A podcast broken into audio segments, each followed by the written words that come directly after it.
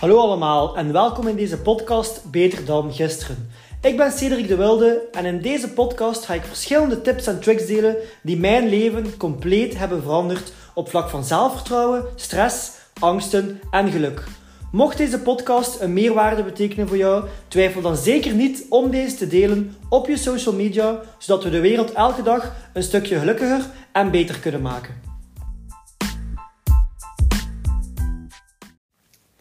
Bestaan er mensen zonder littekens? Dat is een vraag dat mij al heel veel heb gesteld. Want ik zie zoveel mensen die er gelukkig uitzien, die precies alles op een rijtje hebben en die precies zonder problemen door het leven gaan. Maar elke keer als je die mensen beter leert kennen, dan beginnen altijd die kleine dingen op te vallen. Die onzekerheden, die angsten. En dan zijn ze soms veel minder gelukkig dan dat gedacht. En ik werk nu al drie jaar samen met mensen. En als er één ding is dat ik echt wel geleerd heb, is dat iedereen littekens heeft. Het enige verschil is dat mensen er op een verschillende manier mee omgaan. Vandaag ga ik meer info geven over wat dan, wat dan de meest voorkomende littekens zijn, hoe dan die ontstaan, hoe dan die zich tonen en hoe dan mensen daarmee omgaan. Nu, als eerste ga ik hier wat meer info delen over hoe dan de meeste littekens eruit zien. En dat is meestal één simpel begrip. Het gevoel dat je niet goed genoeg bent. En dat gevoel maakt ons het meest ongelukkig, geeft ons het meeste stress, maakt ons het meeste onzeker en creëert het meeste angst voor uit onze comfortzone te komen. En heel weinig mensen zullen effectief zeggen dat ze niet goed genoeg zijn. In plaats daarvan zullen mensen dat vooral tonen in alles wat ze doen en hoe dan ze zich gedragen in het dagelijks leven. Dus in deze podcast zullen ook leren hoe iemand zijn ik ben niet goed genoeg gevoel toont aan de wereld. Je zult jezelf hier misschien ook in herkennen en je zult misschien ook andere mensen herkennen in je omgeving. Nu, voordat ik ga vertellen hoe dat mensen dat gevoel tonen in hun dagelijks leven, ga ik eerst wat dieper ingaan in hoe dat, dat gevoel kan ontstaan.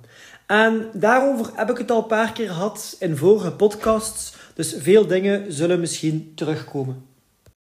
Dus, wat zijn de meest voorkomende redenen van ons ik ben niet goed genoeg gevoel? Een van die redenen is door ons ouders, kleuterklas of lager onderwijs.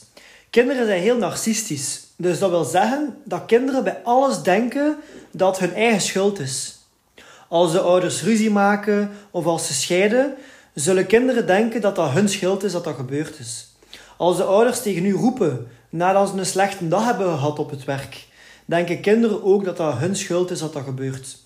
Als kinderen gepest worden, als leerkrachten roepen tegen hun, bij alles zullen kinderen de schuld op zich nemen.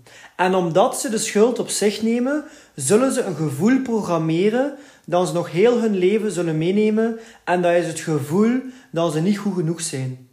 Nu, je mag nou de ideale ouder zijn, je kind kan nog steeds gepest worden of een slechte leerkracht hebben, dus daar hebben we allemaal geen controle over.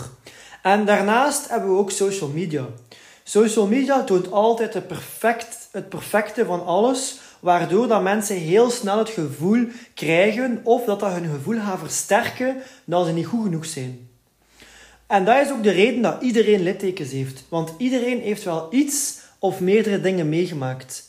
Het enige verschil is hoe dat je daarmee omgaat. Maar daar ga ik straks ook wat meer over delen. Nu komt er een belangrijk deeltje. Hoe straalt het gevoel dat we niet goed genoeg zijn zich uit in ons leven? Dat kan op verschillende manieren. Dus terwijl dat ik vertel, reflecteer eens bij jezelf en kijk een keer hoe gaat bij u het gevoel dat je niet goed genoeg bent zich gaan uitstralen in uw leven. Het eerste is faalangst. Mensen die bang zijn om te falen, zijn dat omdat ze tot diep van binnen geloven dat ze niet goed genoeg zijn. En daardoor gaan ze bij alles veel meer angst hebben om te falen. Nu, waarom is dat? Omdat mensen willen niet geconfronteerd worden met de angst dat ze niet goed genoeg zijn. En wat gebeurt er als je faalt? Je wordt geconfronteerd met die angst dat je niet goed genoeg zou zijn. Daarom dat mensen zo bang zijn om te falen. Falen is niet erg. En falen wil niet zeggen dat je niet goed genoeg bent. Het wil zeggen dat je mens bent. Zonder falen kun je niet bijleren. En in bijna alle gevallen gaat er niet dood van. Er kan niets gebeuren. Dus falen, zie falen niet als iets slechts. Zie falen als een kans om bij te leren, als een kans om te groeien als persoon. Het volgende is de angst om jezelf te zijn. Omdat je bang bent dat als je jezelf gaat zijn, dat mensen je niet goed genoeg gaan vinden. En als mensen je niet goed genoeg vinden, worden weer geconfronteerd met je angst om niet goed genoeg te zijn.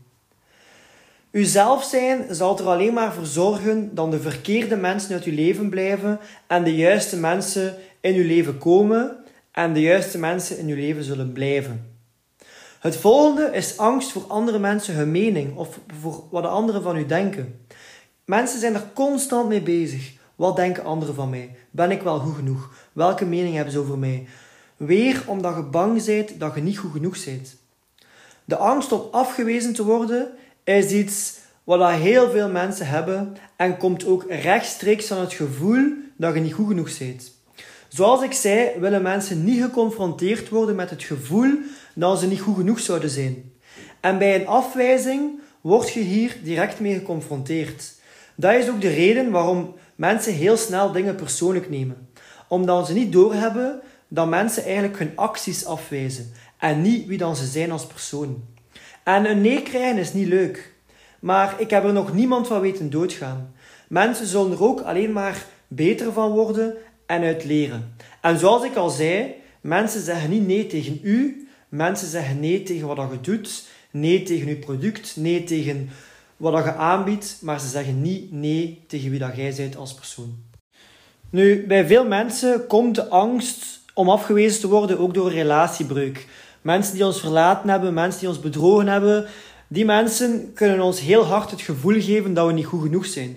Daarom dat veel mensen dit zich ook zullen uiten en zich moeilijk durven openstellen voor anderen. Of moeilijk anderen in vertrouwen durven nemen. Omdat ze dan bang zijn om weer gekwetst te worden en weer dat gevoel te krijgen dat ze niet goed genoeg zijn. Dus mensen gaan alles gaan doen om die confrontatie te vermijden met hun eigen onzekerheden en hun eigen angsten. Dan heb je ook angst voor succes. Mensen durven niet dromen of nemen niet de acties die echt nodig zijn om te slagen, omdat ze op voorhand al geloven dat ze toch niet goed genoeg zijn. En ze zijn ook bang dan, dat als ze succes zouden hebben, dat ze dat weer zouden verliezen, omdat ze zichzelf niet goed genoeg vinden. En als iemand, succes, als iemand bang is om succesvol te worden en succes dan weer te verliezen, is dat rechtstreeks bang zijn om geconfronteerd te worden met het gevoel dat je niet goed genoeg bent. En het draait niet om wie dat je vandaag bent. Het draait om wie dat je kunt worden. En je kunt alleen maar succesvol worden door een persoon te worden die succes kan bereiken. En eenmaal dat je die persoon bent geworden, zul je ook de persoon zijn die het kan behouden. Dus blijf elke dag aan jezelf werken en stel die doelen die je beter maken als persoon. En dan het laatste waarin het ik ben niet goed genoeg gevoel zich uit, is perfectionisme. Perfectionisme is het grootste masker voor onzekerheid. Mensen die perfectionistisch zijn, vinden hun acties nooit goed genoeg, omdat ze zichzelf niet goed genoeg vinden. Ze zoeken constant buiten zichzelf naar dat gevoel dat goed genoeg is en ze denken veel te veel na. En doordat ze zichzelf niet goed genoeg vinden, zijn ze rondom hen ook constant gefocust op wat er niet goed genoeg is. Waardoor dan ze elk foutje, elk detail zullen zien en ze zullen zich hier ook heel druk in maken. Omdat het voor hen onbewust een confrontatie is met hun eigen onzekerheden. Dus perfectionisme komt vanuit het gevoel dat je jezelf niet goed genoeg vindt. Als jij meer zelfvertrouwen zult krijgen en je zult jezelf wel goed genoeg vinden, dan zal dat zich ook gaan uitstralen naar je acties en zul dus veel sneller vrede durven nemen, waardoor dat je veel sneller acties zult nemen. Want veel perfectionisten zijn heel veel bezig, maar heel weinig echt productief. Omdat ze heel veel bezig zijn met constant dingen aan te passen, te verbeteren, maar ze zetten geen stappen vooruit, omdat ze bang zijn om die stap vooruit te zetten, omdat het nooit goed genoeg is. Nu, hoe begint je met je geloofssysteem te veranderen? Hoe kun je ervoor zorgen dat je jezelf wel goed genoeg vindt? Die methode is eigenlijk heel makkelijk, maar tegelijk ook niet gemakkelijk.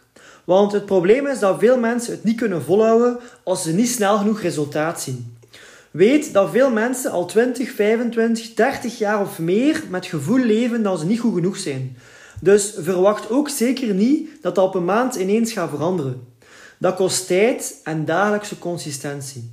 Maar het is het hem echt waard. Want eenmaal dat je gevoel dat je niet goed genoeg bent kunt omdraaien naar het gevoel dat je wel goed genoeg bent, dan zal dat hele leven compleet veranderen en zullen je al je acties ook compleet veranderen. Ik start binnenkort ook een programma op waarin ik mensen help en een plan geef om hun mindset te ontwikkelen en hun geloofssysteem te veranderen. Moest je hier een interesse hebben, dan moet je mij altijd een berichtje sturen via Instagram of Messenger en dan laat ik je iets weten vanaf dat programma start en dan kan je zelf kiezen of dat je eraan meedoet of niet. Dit is een programma uit persoonlijke ervaring, iets dat mij enorm heeft geholpen om mijn angsten te overwinnen, om te groeien als persoon, om een podcast te durven opnemen en om zoveel andere uitdagingen in mijn leven te doen die ik vroeger nooit zou durven. Oké, dat was de podcast voor vandaag. Hopelijk heeft deze podcast jullie warm gemaakt om na vandaag nog meer aan jezelf te werken, waardoor dat je binnen een jaar nog trotser zult zijn op jezelf. Mocht deze podcast een enorme meerwaarde geweest zijn voor jullie, twijfel dan zeker niet om deze te delen op je social media, zodat we de wereld weer een klein stukje beter en gelukkiger kunnen maken. Bedankt om te luisteren en tot de volgende keer.